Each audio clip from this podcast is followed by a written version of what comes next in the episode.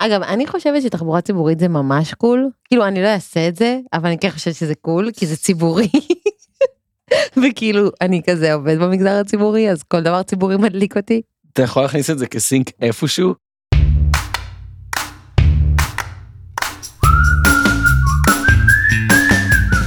תאורטית, אה, ואני אתחיל אולי מהסוף, רכב פרטי הוא, הוא פתרון טוב. כן, הוא זמין מתי שאתה רוצה, הוא מתחת לבית, בהינתן שיש לך חנייה. אה, הבעיה מתחילה כשכולם משתמשים ברכב הפרטי. יש הזדמנות כי למעשה העבודות מחריפות מאוד את מצוקת התחבורה, והן גורמות לאנשים פתאום לחשוב מחדש על איך אני רוצה באמת להגיע לעבודה או לכל מיני יעדים.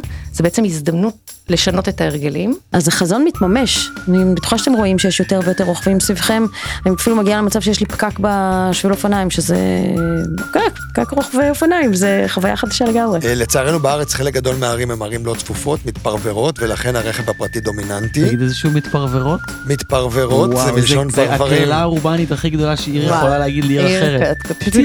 מתפרברת. הלכת לישון נכון. בשמונה, רואה אח הגדול, כן.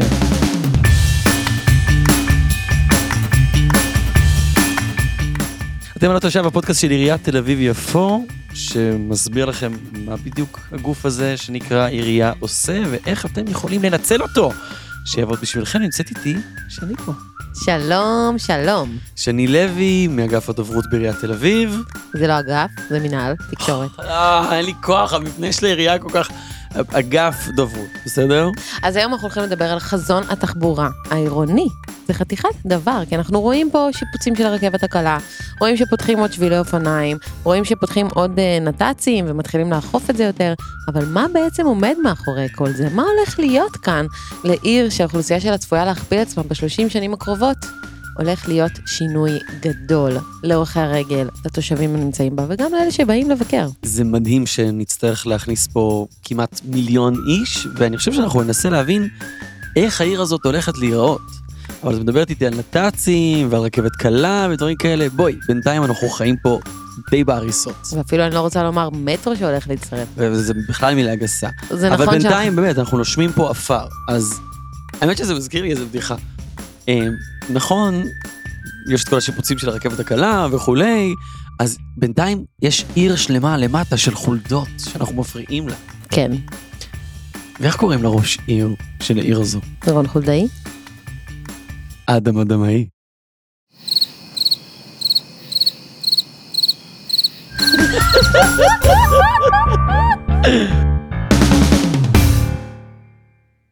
את יודעת למה אני כל כך אוהב את העיר הזאת? למה?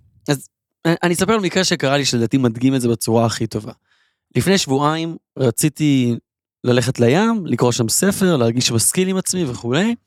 אני פוגש בשדרות ההשכלה שני חברים שאני נורא אוהב. מגיע לפארק המסילה, עובר ליד התדר, יוצא משם, עדיין לא לא ירדה השמש, עדיין בסרט שאני אקרא. בדיוק עובר חבר שלי ואנחנו מדברים במשך שעתיים, וזהו, לא קראתי ספר.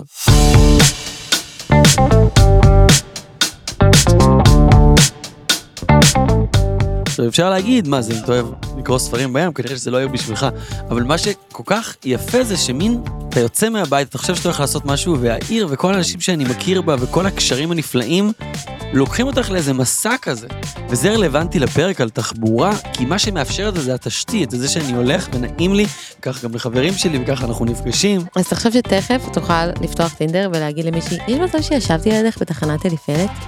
או שתכתוב שיר על ראיתי את האקזיט שלי בתחנת קרליבך. אוי, אני אוהבת את סצנת הפאנק של 2030. אנחנו כבר בעיצומה של מהפכה ששם את הולכי הרגל במרכז, והדבר הזה רק הולך להמשיך ולגדול, באמת, מרגש. מרגש והשינוי בדרך.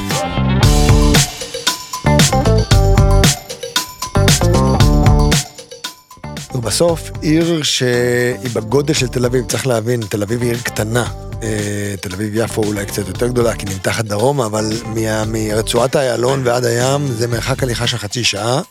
שימי לב שמבחינתו הצד השני של איילון זה לא, לא תל אביב. לא, רגע, אז תמחוק את כל זה. לא. לא, זה- נכון, אתה צודק, אני גר שם, זה לא תל אביב. לא. אז זה אופיר כהן, מנהל הרשות לתחבורה, תנועה וחנייה בעיריית תל אביב, שמדבר על היפוך הפירמידה, נושא חשוב וכבד משקל, שבעצם שם את הולכי הרגל במקום ראשון. היפוך הפירמידה הוא יצירה של סדר עירוני חדש, שבו אה, האמצעים העדיפים ביותר והנוחים ביותר הם אמצעים האלטרנטיביים של היום, האמצעים הבסיסיים של מחר, הליכה ברגל, אופניים ותחבורה ציבורית, והרכב הפרטי הוא אמצעי משלים. כשנגיע למצב הזה, אגב, באזורים מסוימים בעיר אנחנו כבר במצב הזה, מי שנמצא היום במרכז העיר, בהחלט הפירמידה התהפכה לו. הוא היום, הדרך שלו להתנהד, הקלה ביותר היא באופניים, בתחבורה ציבורית, בקרוב ברכבת הקלה, והרכב הפרטי הוא אמצעי פחות נוח, אה, מהרבה סיבות. הוא איטי יותר. הוא איטי יותר, הוא יקר יותר. קשה למצוא חנייה, הוא הוא לא... יש שם כוך כזה נחמד עם מזגן, שזה nice. נכון, המזגן הוא מנצח. אין לנו מזגן, מוזיקה טובה, מוצא את עצמי שר שירים ממש, מביך את עצמי שם. אבל גיליתי שאני יכול גם לשיר בקולי קולות עם האופניים, ולאף אחד לא. אכפת. וגם באוטובוס אפשר לזמר. זה, כן, זה כבר יעלה לטיקטוק עם הקבוצה. לגמרי. כן. אבל בסוף צריך להבין שכעיר אה, של חצי מיליון תושבים ועוד חצי מיליון מבקרים ביליון, מיליון תושבים צורכים את העיר מדי יום. הערך של התניידות באמצעים אלטרנטיביים בתחבורה ציבורית הוא ערך ציבורי אדיר, כי זה אומר שאנחנו תופסים הרבה פחות שטח. אני לא יודע אם אתם ערים לנתונים האלה, אבל אה, כמות הרכבים בעיר תופסת קילומטרים רבים של שטח, אם אני לא טועה, שישה קילומטר רבוע של שטח העיר הוא מוקצה לחנייה. וואו. זה שטח אדיר, זה בערך עשרה אחוז. זה מגרש חניה אחד גדול, לפעמים בקומות, אני מנסה לפעמים לא לדמיין את בקומות. זה כרגע, וואו. זה- כן. אז ברור לנו שככל שיותר רכבים, אנחנו צריכים להקצות יותר שטח לרכבים, ולא לגינות או פארקים או בתי ספר או חנויות. אה, פעם שנייה, כמובן, הפקקים הולכים וגוברים לכולנו, אז נבזבז יותר זמן, זה לא אופטימלי. אה, רכבת קלה אחת מסיעה בערך 600-500 אנשים, שזה שקול בערך לפקק תנועה אחד גדול אה, באורך קילומטר. אז אה, ברור שהיתרון מבחינת האופטימיזציה של התניידות באמצעים אלטרנטיביים היא הרבה יותר טובה. אה, וגם כמובן בהיבט הקהילתי, כשאנחנו נוסעים ברכב, אנחנו עם עצמנו, עם המוזיקה, אולי בטלפון עם איזה חבר שגר בנס ציונה, אבל כשאנחנו נוסעים באמצעים האלטרנטיביים, אנחנו ביחד עם העיר, מחוברים לעיר, רואים אחד את השני. כשמסתובבים בעולם ומסתובבים בערים אה, שהרכב הפרטי לא דומיננטי בהם, פשוט כיף. ההרגשה של להיות בעיר שאתה לא צריך רכב, היא הרגשה נעימה, היא הרגשה מרגיעה. וזה מה שיהיה לנו בעיר בעוד שלוש שנים. בפרק הזה אנחנו הולכים לדבר על חזון התחבורה הגדול של עיריית תל אביב. איך החבר'ה שיושבים שם בתכנון מדמיינים את זה. אולי גם אנחנו, התושבים הלא אורבניסטים, נצליח להבין מה הם רואים ולמה הם כל כך מתרגשים, ונצליח להידבק גם בהתרגשות הזאת. ובפרק הבא נדבר על איך אנחנו, בינתיים התושבים, אמורים להתנהל בתוך הבלגן הזה. אופניים, פתרונות לסוף שבוע, חנייה, אנחנו עדיין צריכים להמשיך לחיות כאן. אז נבין אילו פתרונות בדיוק העירייה מציעה עבורנו. ורק אני אומר, למי שיישאר לשני הפרקים, החיים שלכם ייראו טובים יותר. בסוף צריך להבין שהמדינה ועיריית תל אביב מפתחת פה מערכות אה, היררכיות מאוד מאוד ברורות. יש לנו את רכבת ישראל שנותנת ספיקה ונסיעה למרחקים הארוכים יותר, עם רכבות מהירות שיגיעו לתל אביב בעוד כחמש עד שמונה שנים, מהמטרופולינים הגדולים, זה הטבעת הראשונה.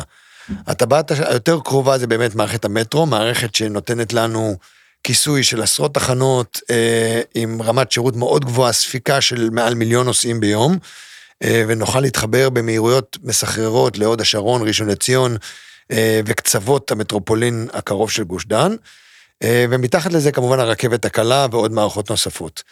היופי בכל המערכות האלה שהן יהיו מחוברות, זאת אומרת, הבן אדם יוכל לצאת מהמטרו בתחנה כזאת ואחרת, ומעבר קליל כמו שעושים באירופה, לגשת לרכבת הקלה, לגשת לרכבת הכבדה, אה, והחיבורים האלה יותר חשובים מהרשת עצמה. המטרו מתוכנן מחובר גם לעיר וגם לאמצעי התחבורה שהוא מש, משלים אותם והם משלימים אותו, ולכן אנחנו רואים את הרשת הזאת כרשת קריטית לתפקוד של המטרופולין, ורשת שתחזק מאוד את הנגישות לתוך תל אביב, תאפשר להגיע מהר, ובכמויות באמת אה, שאנחנו רואים בעולם המערבי.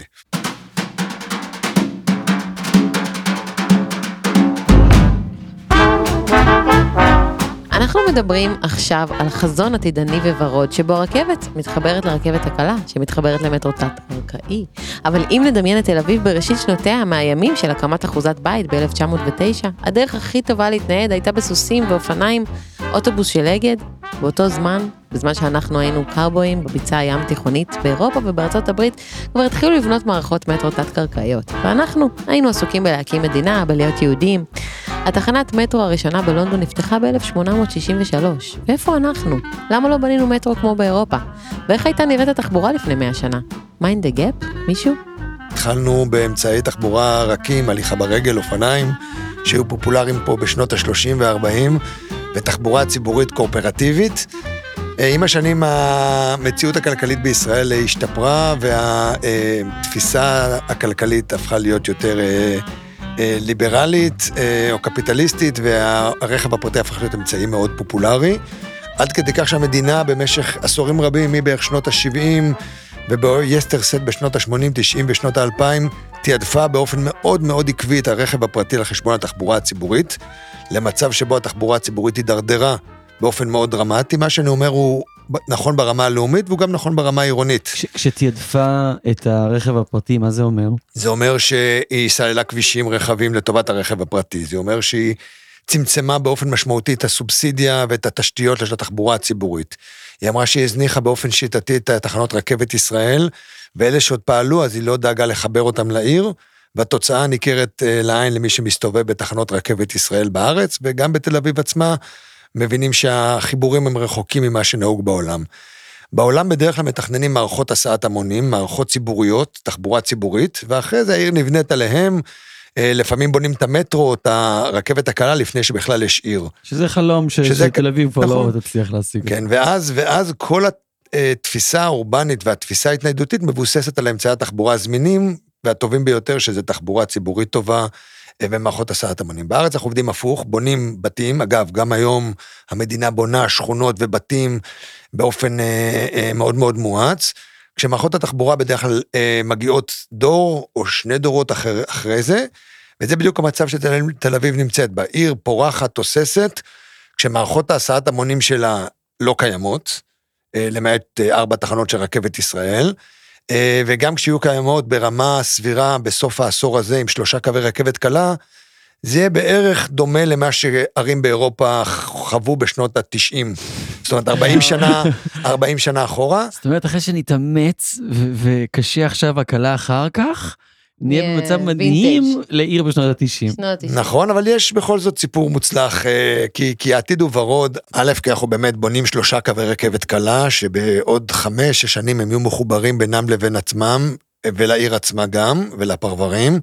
שתיים, כי באמת יש בשורה משמחת עם האוטובוסים, אנחנו באמת בחודשים הקרובים נראה הרבה יותר אוטובוסים חשמליים בזכות פרויקט משותף של משרד התחבורה ושלנו לחשמל שישה או שבעה מסופים בעיר. זה אומר שבעצם יהיו מסופים גדולים, גם הקיימים, כרמלית, אה, וולפסון ועוד כמה מסופים, שנכניס בהם מערכות טעינה חשמלית לאוטובוסים, ואנחנו בונים קומפלקס גדול בדרום העיר, קוראים לזה קמפוס טעינה חשמלית. שבעצם מאפשר ל-200 אוטובוסים לטעון בו זמנית. אה, וואו, ככה שכבר מלא בתחילת חשמל. מלא חשמל הסתובב לנו. זה אתגר הנדסי משוגע. אבל אמ, זה... כן, הוא אתגר קשה, אבל הוא בעיקר אה, בשורה אדירה לציבור, גם בהיבט של אה, שקט, גם בהיבט של זיהום אוויר. יכולים לנשום מהאף, להוציא מהפה, לא לדאוג לגמרי. מהפיח שנכנס בדרך, כן.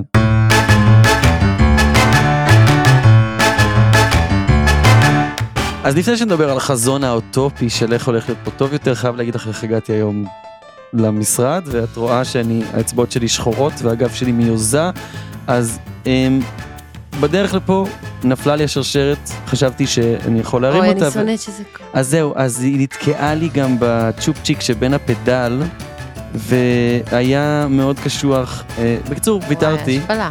השפלה ואצבעות שחורות. קשרתי את האופניים, אמרתי, טוב, אני צריך להגיע באוטובוס, אבל האמת שכבר שנים לא ניסיתי לעלות על אוטובוס, ואני כבר די שכחתי איך עושים את זה. חזרתי הביתה, לקחתי את הרכב, הגעתי לכאן, 40 דקות חיפוש חנייה, בסוף התפשרתי ושילמתי רק 40 שקל על חניון. מה נסגר?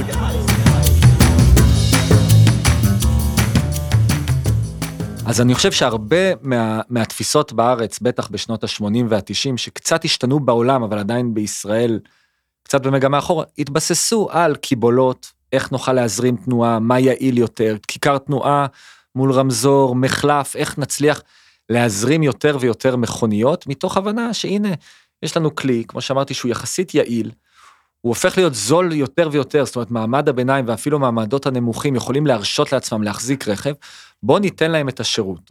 אז זה דוקטור נדב לוי, מנהל היחידה לתחבורה ציבורית בעיריית תל אביב-יפו. רואים את זה גם בעיר, שיותר ויותר מקומות הוקצו למקומות חנייה, אפשר לראות בתצלומי אוויר את כיכר הבימה, שיש חנייה על הכיכר עצמה, כיכר רבין כולה הייתה חנייה, מגרש חנייה אחד גדול, היה אינטרס לעודד את השימוש הזה.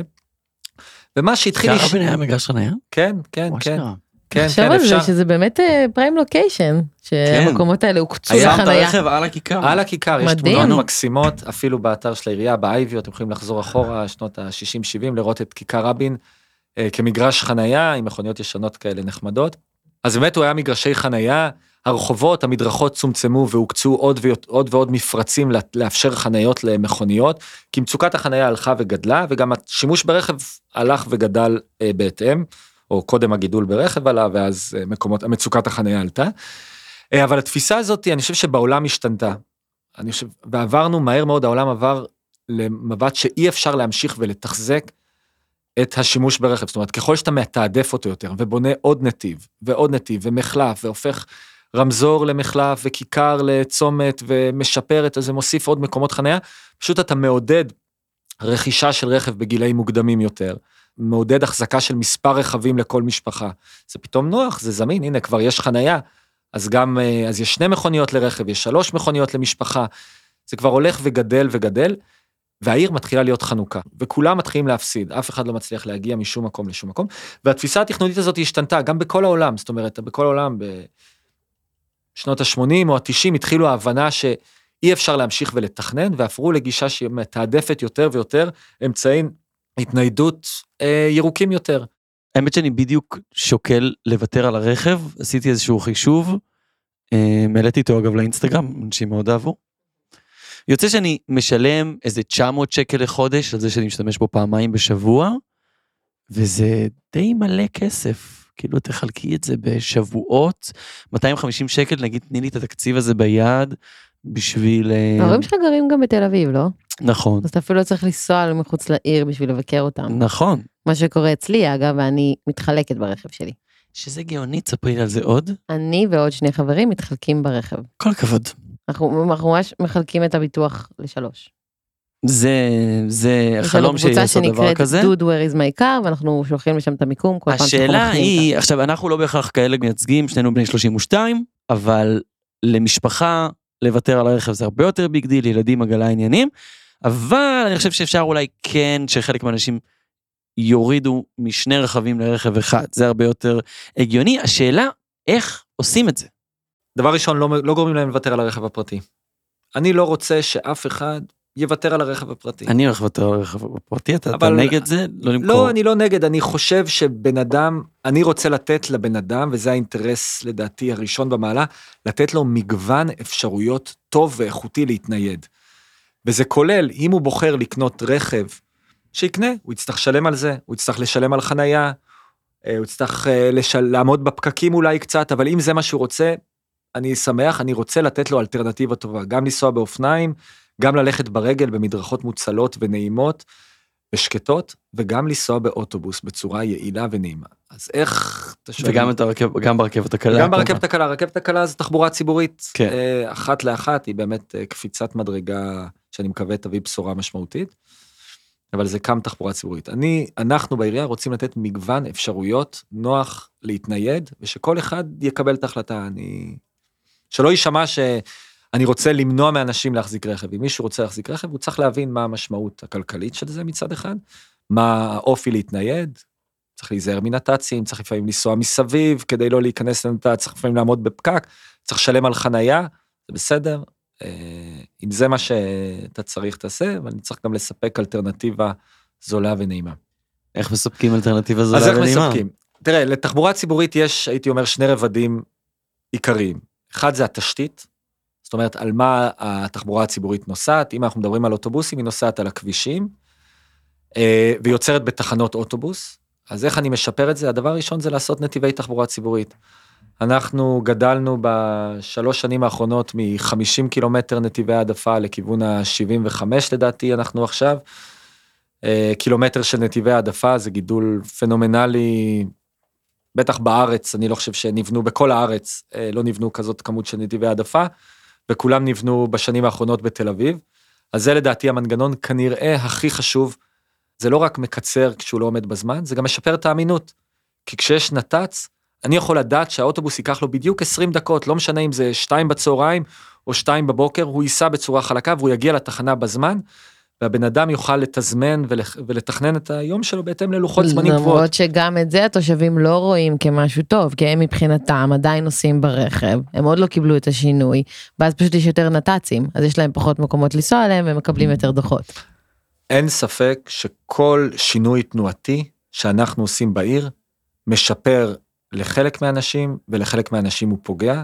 המטרה שלנו זה לדאוג שהוא משפר ליותר אנשים ושהוא לא פוגע באופן לא מידתי באנשים שבהם אני פוגע. אז כן, נתיבי העדפה לפעמים מצמצמים את מהירויות הרכב אה, ומאריכים את זמני הנסיעה, אבל הם גם מקצרים את זמני הנסיעה לנוסעים שקיימים. כן. אה, אני משפר להם את איכות חייהם והרבה פעמים אנחנו רואים באוטובוסים, בנתיב הזה שאנחנו שומעים, נוסעים הרבה יותר אנשים מאשר בנתיב הפקוק של הרכב ליד. אבל איזה מבאס זה לראות נתיב ריק בזמן שאתה מחכה לרמזור 10 דקות. וזה בדיוק העניין, שאם כולם היו משתמשים בנתיב הריק, הוא לא היה עוזר לתחבורה הציבורית להיות מהירה יותר. זה קצת כמו עם הרכב, שהוא פתרון כל כך טוב, שכולם ישתמשו בו עד שהוא נהפך להיות פתרון לא טוב. אני מרגישה שאמרת את הדבר הכי פשוט והכי מורכב בעת ובעונה אחת. אני מרגיש שגם את עשית את זה עכשיו. אני חושב שבאמת זה מאוד מתסכל לראות נתיב תחבורה ציבורית ריק. אנשים עומדים באוטו בפקק ומסתכלים ימינה והנתיב נראה ריק. אז זה קצת דומה לחיפוש חנייה. אתה נוסע ומחפש חנייה, אתה רואה חנייה של אוטוטל ריקה. ואתה אומר, אך, אם רק היו נותנים לי לחנות פה, היו נפתרים הבעיות. אבל לא, אם זה היה חנייה ציבורית, היא הייתה תפוסה מלפני שהיית מגיע. והנתיב הזה היה תפוס אם הוא היה לכולם, הוא לא היה פנוי. והוא נראה פנוי, כי האוטובוס עובר פעם בדקה. אז אתה לא רואה אותו, הוא עובר והוא חולף על פניך. אבל הוא מסיע 50 אנשים, שזה יותר ממה שהנתיב הזה היה מסיע, אם הוא היה פקוק אה, ועומדים בו מכוניות. אורי, אתה זוכר את השצ"פ מ-2019?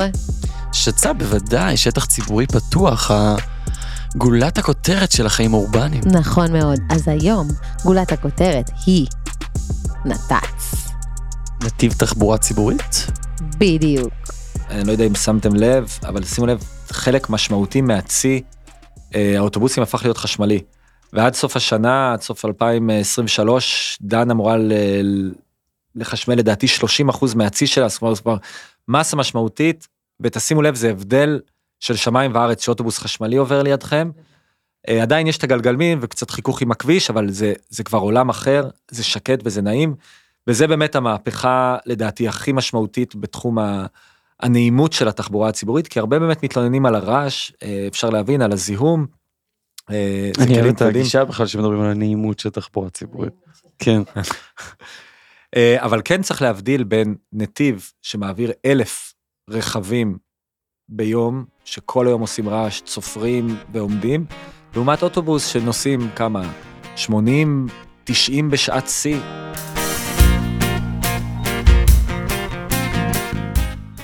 נראה שיש פה אווירה מאוד חיובית ואוטופית שהעיר בכיוון הנכון והכל קורה, אבל אה, בואי שנייה נדבר מציאות.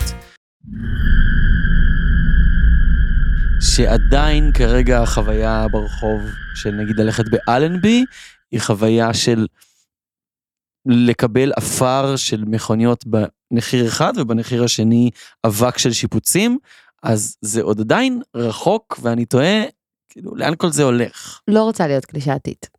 קשה עכשיו, הקלה אחר כך. אין ספק ש-2023 וגם 2024 הם שנים מאתגרות עדיין, אנחנו בעיצומם, בעיצומו של הניתוח, אנחנו תמיד אומרים, אנחנו בסוג של ניתוח, אה, נכנסנו לניתוח לב פתוח, לבנות שלושה קווי רכבת קלה, על הדרך הרופא כבר המליץ להחליף את השסתומים אה, של הרגליים ואת הוורידים, אז אנחנו כבר עושים שבילי אופניים וכבר מבצעים מדרחובים, וכבר אם כבר נכנסים, אז בואו ניתן חשמל בכל המערכות, שיהיה כבר תחבורה. חשמלית נדיקייה.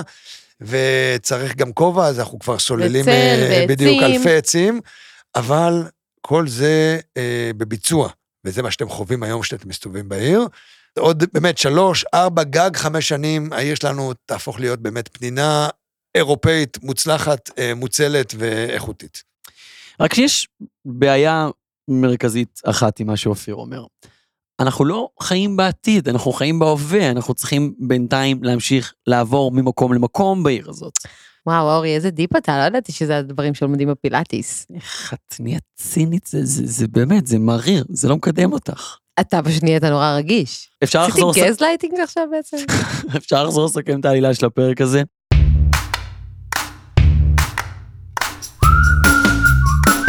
אופיר מדבר על המהפכה שתקרה בעוד ארבע שנים, על תחבורה ציבורית נגישה, על אלנבי שיהפוך להיות מדרחוב קצת כמו רחוב יפו בירושלים, וכל הדברים המרגשים האלה, אבל אחרי שזה יקרה, יעברו עוד כמה שנים וכבר יתחילו לעבוד על המטרו. כי עיר היא אורגניזם חי, היא כל הזמן משתנה. וכמו שענבל פרלמוטר אמרה, העתיד נראה לי הרבה יותר מגניב, רוצה לנסוע ברכבת התחתית של איזה תל כיף, אביב. ענבר פרמוט. ואנחנו גם נלמד איך אפשר להתנייד בה בכיף, וכל הג'אז הזה, ועל זה ידידיי, נדבר בפרק הבא. ראית שגם את בסוף הפכת להיות טיפית? אני שמח שהשתחררת מהציון, זה הרבה יותר מחמיא לך. עד כאן פרק ראשון מתוך שניים על חזון התחבורה של עיריית תל אביב-יפו. רוצה להודות לכל האנשים שלקחו יד בפרק הזה, דור קומט, עורך העל חלל, טובה שמאנוב על ההפקה, והמרואיינים שלנו. אופיר כהן, ראש רשות התחבורה, נדב לוי מאגף התנועה, אנשים שבאמת כל יום קמים ודואגים שיהיה לנו עתיד טוב יותר. רגע, רגע, רגע, דור, אל תסיים את הפרק הזה. יש לי מלא מטאפורות ממש מגניבות לקשה עכשיו הקלה אחר כך. יאללה, תביאי את זה. שהולכים לפילאטיס וכזה זה נורא וסובלים ושונאים את המורה, אבל אז אחר כך יוצאים ואומרים וואו, כאילו הגב שלי ממש מתוח והכל נורא לא כיף. יכול להגיד כמה אני מזדהה. סליחה על הדוגמה, אבל שירותים. אוקיי, כן, גם שירותים, וגם כזה שהולכים בשוק הכרמל וזה הכל ממש נורא וחם. אבל אז אחר כך יש צפוף לחוץ. מקרר מלא ברוקט וכזה כל מיני פירות אקזוטיים. fucking rocket, baby. קשה עכשיו, הקלה אחר כך, נו. בואו לחוות את השינוי שבדרך במרכז המבקרים החדש שהקמנו בעירייה לכבוד העיר המתחדשת. מרכז המבקרים יפיץ את בשורת השינוי שהעיר עוברת בתחום התחבורה וההתחדשות העירונית. המרכז יכלול פעילויות אינטראקטיביות לכל הגילאים. זה יהיה מרכז נודד שיבקר בכל העיר, אז כל מה שנותר זה לבחור לאן להגיע. הלינק פה בתיאור הפרק, והכניסה חופשית.